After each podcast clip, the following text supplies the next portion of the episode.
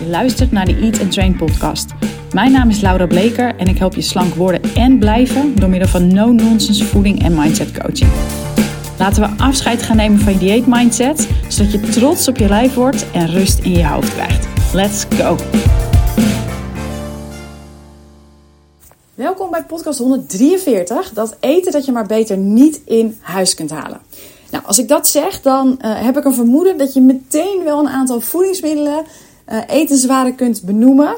Waarvan je denkt, nou, als ik dat in huis heb, of als ik daar ook maar één hap van eet, dan ben ik niet te stoppen, kan er niet van afblijven. Ik moet het niet in huis hebben. Nou, dat is waar ik het over wil hebben met je. Het is namelijk iets dat ik zelf heel lang gedaan heb. Dus ik maakte bepaalde, bepaald eten of limits. Ik mocht dat echt, mocht of wilde dat niet in huis hebben.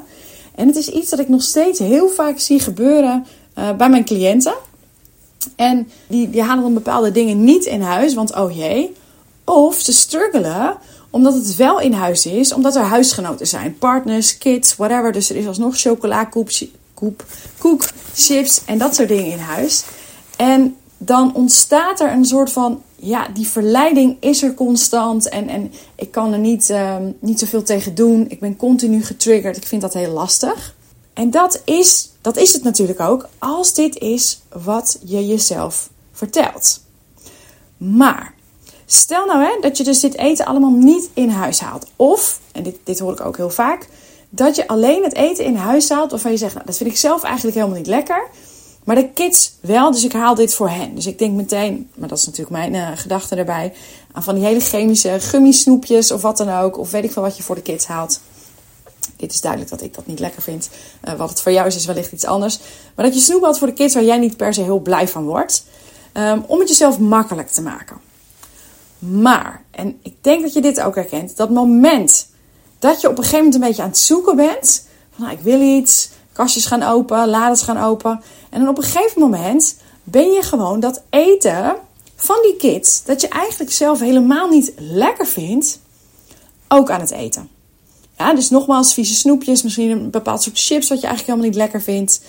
Um, als, als dat het niet is, dan zou het zomaar kunnen zijn. En dit bedenk ik niet uh, zomaar, dit heb ik zelf ook gedaan. Dat je gewoon koude leftovers eet. Niet eens de moeite nemen om het op te warmen. Gewoon zo uit het bakje eten.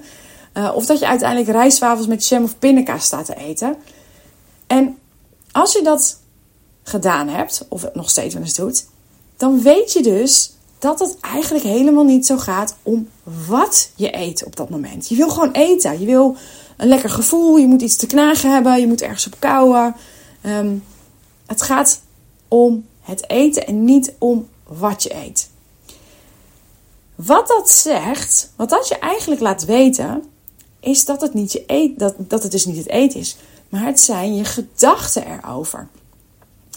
En wellicht is dit niet meteen helemaal het eerste waar je aan denkt. Hè? Van, oh, dat zijn mijn gedachten, dus, dus ik ga zomaar random dingen eten. Jij weet waarschijnlijk wel dat je je op een bepaalde manier voelt. Dus ik voel me zo en zo en dat maakt dat ik wil gaan eten. Nou, een gevoel wordt altijd voorafgegaan door gedachten. Ja? Tel daar bovenop dat dat eten, ja, dat springt niet in je mond. Dat eten doet niets. Jouw lichaam loopt niet naar de kast zonder dat je eerst gedachten hebt gehad over naar de kast lopen. En dat gaat heel snel. En als je moe bent, heb je dat al helemaal niet in de gaten. Zo'n beetje einde van de dag. Maar er is altijd eerst een gedachte. En als je dus hè, in dit, binnen dit onderwerp van hey joh, ik haal bepaald eten niet in huis, jezelf vertelt: hé hey joh, dit mag ik niet, dit moet ik niet halen, hiermee kan ik niet stoppen. Dus ja, ik verban het, dan draagt dat alleen maar bij aan het groter maken van het probleem. En dan denk je, hoe kan dat dan? Nou, voorbeeld. Stel dat jij, en dit is ook een, een, een voorbeeld uit de praktijk van mezelf, die ik, dat ik vaker teruggehoord heb. Stel dat je niet naar een verjaardag gaat, omdat je bedacht hebt van joh, ik wil calorieën besparen. Het zijn allemaal hapjes daar, drank, ga weer over eten. Weet je wat? Ik wil echt even streng doen. En ik ga gewoon niet. Beter. is beter voor de lijn. Ik ga gewoon niet. En dan vervolgens ga je dus niet. Je blijft lekker thuis. En wat gebeurt daar? Het ontaart in een enorme eetbui. En misschien niet in één keer alles tegelijk, maar je gaat dit eten en dat eten en dat eten. En uiteindelijk heb je zoveel gegeten dat je denkt: shit, nou ik had net zo goed naar die verjaardag kunnen gaan. dan had ik in ieder geval nog een leuke, leuke, leuke avond gehad bij dat schuldgevoel dat je dan op dat moment ook hebt. Ja, dus als je niet gaat, als je zelf vertelt, hey, ik ga niet naar de verjaardag, dan heeft je brein eigenlijk die beslissing al geregistreerd als spanning rondom eten. Ja, dus de oh jee schaarste trigger, die is afgegaan in je brein. En daarom word je daadwerkelijk door je oerbrein aangestuurd tot overeten. En dat is eigenlijk min of meer wat je ook doet als je zegt: hé hey ik haal helemaal niets lekkers meer in huis. Ik ga het niet doen, het is strikt, et cetera. En je merkt uiteindelijk dat als je, dat als je eet om te ontspannen of om, om, om uit te checken of, of doordat je getriggerd bent in een emotie, dat je uiteindelijk dus vies snoep, koude restjes of rijstwafel staat te eten. Het gaat niet om het eten. Dus als dit nu helder voor je is, en dat, dat hoop ik, hè, dus dat je dat inziet, dat het daar niet om gaat, dan kan ik je meenemen in de oplossing. Namelijk dat je wil gaan onderzoeken wat de reden is dat je wil eten. Dus welk gevoel wil je dat dat eten geeft op dat moment en welke rol vervult het? En als je hiermee gaat oefenen, dus is het ontspanning, hè, wil je even een lekker gevoel omdat je je niet happy voelt, ben je moe, is het een gewoonte? Ja, misschien eet je altijd op dat tijdstip. Het kan trouwens ook een combinatie zijn. Hè? Dus bijvoorbeeld stel dat jij werk moet doen waar je geen zin in hebt. En je pakt dan altijd iets te eten. Dan is het comfort, afleiding. Iets wat je een lekker gevoel geeft. Maar ook een gewoonte als je het maar vaak genoeg gedaan hebt. Ja, dus je wil kijken van hey, hoe kan ik mezelf alsnog het gevoel geven dat dat eten me anders zou brengen.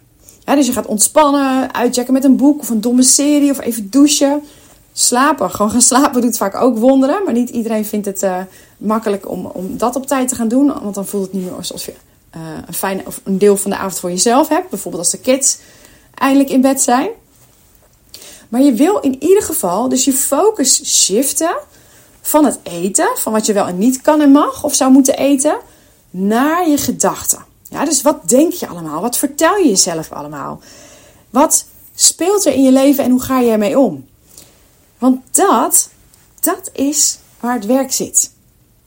Ja, dat is de shit, zoals ik het vaak, vaak noem, die je hebt op te lossen. Het zit hem niet in eten. En ja, soms, zeker als je dit nog aan het leren bent, is het ook, eerlijk is eerlijk, slim om het niet te halen. Ja, dus door het jezelf makkelijk te maken, haal je dingen niet. Maar weet dat dat geen lange termijn oplossing is. Dus je kunt zeggen: hé, hey, ik Ga niet meteen voor de dingen in huis. In mijn voorbeeld Nutella en Pints Magnum ijs. Die haal ik niet in huis. Um, maar ik ga wel bijvoorbeeld beginnen met een koekje dat ik medium lekker vind. Ja, en vervolgens ga ik kijken, oké, als ik hier gedachten, als ik, als ik merk dat ik zin heb om dat te, uh, te gaan eten, check bij jezelf in. Heb ik, heb ik eigenlijk honger? Nee. Oké, wat is er dan aan de hand? Welke gedachten heb ik hierover? En zo kun je dat een beetje opbouwen. Wat ik zeg, ik heb dus nog steeds een aantal dingen die ik niet in huis wil hebben. En die ik ook alleen koop als ik van plan ben dat te gaan eten. Ja, dus echt een bewust momentje. Een, een bewust momentje. Een genietmomentje. Ook een bewust moment. Maar wat ik inmiddels ook kan doen daarmee. En dat is misschien ook een goede om, om te delen met je. Is dat als ik de portie heb, heb gegeten waar ik blij van word. Dat ik het geen probleem vind om de rest weg te gooien. En ik kan me zo voorstellen dat er luisteraars zijn dat die meteen denken: nee, niet weggooien. Je kan het echt niet weggooien. Dat vind ik zonde. Maar dit is een hele simpele oplossing om gedachten eraan die zullen komen te tackelen. Ja, dus ik kan de urges, de urges, de aandrang er laten zijn als een soort golven. Hè? Dus die gedachte die komt, die komt op, die komt op. En ik heb echt het gevoel van, oh ja, ik moet dat pakken, ik wil dat per se. Daar kan ik heel goed doorheen komen. Dat is echt vaak, meestal, weinig moeite. Ja, maar die gedachten, die zullen opkomen. Totdat ik het weggooi. Ja, zal ik, er, ik zal er dus geregeld gedachten hebben totdat ik het weggooi. Totdat het op is. Of totdat ik besluit dat ik het niet eet. Ja, en dat laatste is wat mijn cliënten doen die wel dit soort dingen in huis hebben. Bijvoorbeeld voor kids. Of die ergens lunchen op werk. Waar de tafel helemaal gedekt wordt met, met hysterisch veel lekkers en keus en weet ik het wat allemaal. En voor mij geldt dat ik de enige thuis ben die het zou moeten opeten. Want mijn vriend houdt er niet van. Dus wat ik doe is gewoon dat ik neem de portie die ik wil en de rest gooi ik weg. En dat is ergens misschien niet helemaal ethisch verantwoord, Maar ook hier denk ik wel eens, ja, of ik ben de prullenbak en ik heb continu die strijd en ik, ik heb continu dat ongemak waar ik doorheen moet. Of ik maak het mezelf makkelijk. Ja, dus je kunt ook zeggen van, hé, hey, ik laat het in de kast staan, maar ik ga het niet eten. Dan is continu het stuk van, hé, hey, dat is zonde, dus ik moet het opeten. En als ik het opeet, gaat de jackpot weer af en hou ik het probleem in stand. En, en dat zijn momenten waarop iets wel weggooien. Neem de portie die je wel, die je wel wil en gooi de rest weg. Of maak er iemand blij mee, hè? dat is natuurlijk ook een optie. Ehm, dat is ook een manier om het makkelijk te maken voor jezelf. Ja, dus dit is het stuk waar ik het vaker over gehad heb van... hey, doe die deur dicht. Neem een besluit. hey, joh, ik eet geen Nutella. Of hey, joh, als ik uh, een keer een craving heb gehad, al een tijdje en ik heb het gegeten, dan doe ik de rest weg. Ja, of hey, joh, ik eet de chips niet die voor de kids is. Dat is het besluit dat je neemt. En als er vervolgens gedachten overkomen, dan is dat waar je werk te doen hebt. Ja, dus ik zou ook over die Nutella in mijn huis, over dat eten wat ik weggooi, ik neem dit steeds als voorbeeld, kunnen zeggen: hey, ik, ik ga mijn gedachten challengen. Het moet er gewoon kunnen zijn. Dat zou ook kunnen. En nogmaals, dat lukt ook met heel veel dingen. Maar dit is een geval dat ik denk, joh, ik kies ervoor om het niet te doen. Ja, je kunt stoppen met overeten. Je kunt een fijne relatie met eten hebben en niet meer constant met eten en afvallen bezig zijn. Maar dat doe je dus in de eerste plaats door jezelf te veranderen. Ja, door met je gedachten aan de slag te gaan. En niet door alles waar je graag van eet, waar je snel van overeet, te verbannen. Ja, het voorbeeld wat ik je ook schetste, ga aan de slag met je gedachten. Kijk naar waar je daadwerkelijk behoefte aan hebt. En als je zegt, hé hey joh, ik ga niet ineens al het lekkers in huis halen en daardoorheen uh, ploeteren met die gedachten. Je kunt dat klein maken door af en toe iets lekkers in huis te hebben. Of door als je wel zin hebt om aan die rijstwafels, aan die snoepjes van de kids of wat dan ook te beginnen. Daar, daar eerst mee aan de slag te gaan. En dan te kijken van, hey, kan ik dit uitbreiden? Want dit is een vaardigheid. Ja, dus dat je beseft, die zin in eten, die komt uit mijn gedachten. Ik hoef daar niets mee dat daar laten zijn en niet te handelen. Als je die vaardigheid beheerst, dan ben jij eigenlijk de baas. Dan heb jij de controle. Dan overkomt het je niet meer. En dan zul je die rust ervaren waar je zo naar op zoek bent. Yes? Nou, ik hoop dat je hier iets aan hebt gehad. Uh, het sluit ontzettend mooi aan bij de masterclass die ik geef op dinsdag 24 oktober. Die gaat over mindset. Um, en ook vooral ook over zorgen uh, dat je niet alleen weet wat je moet doen, maar dat je het ook doet. De podcast nu zelf is wellicht een beetje rommeliger dan je van me gewend bent. Ik zei het laatst ook al eventjes. Ik ben eh, aan het kijken of ik het kan doen met iets minder voorbereiding. Er zat altijd heel veel tijd in. Omdat ik eigenlijk weer langzaam maar zeker na twee keer per week podcasten wil. En uh, ik dacht, ja, als ik gewoon oefen met opnameknop en gaan, zoals ik het in het begin deed, dan wordt dat vanzelf ook, uh, gaat dat vanzelf ook makkelijker.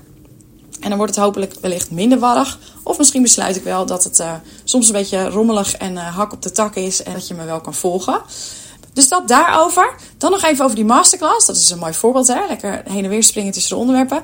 Die is voor jou als je wil afvallen, maar ook vooral niets liever wil dan rust in je hoofd rondom eten. Ja, dus als je inmiddels, al is het door het vaker luisteren van mijn podcast of door ervaring, weet van joh, diëten werkt niet, maar wat wel? Ja? Of je bent al een beetje aan het oefenen met naar die gedachten kijken en je hongergevoel volgen. En het lijkt je maar niet te lukken om consistent te blijven, waardoor het met vlagen goed gaat en dan weer niet. Ja? Dan is het voor jou. Je kunt je opgeven uh, via de link in de show notes. Die zal ik dan nog, uh, nog neerzetten. En uh, weet ook, er zijn inmiddels meer dan 220 aanmeldingen, misschien al meer dan 230 inmiddels. En als je je aanmeldt, stuur ik je een mailtje met een link naar een vragenlijst. En een enorm groot deel van de deelnemers heeft die vragen al beantwoord.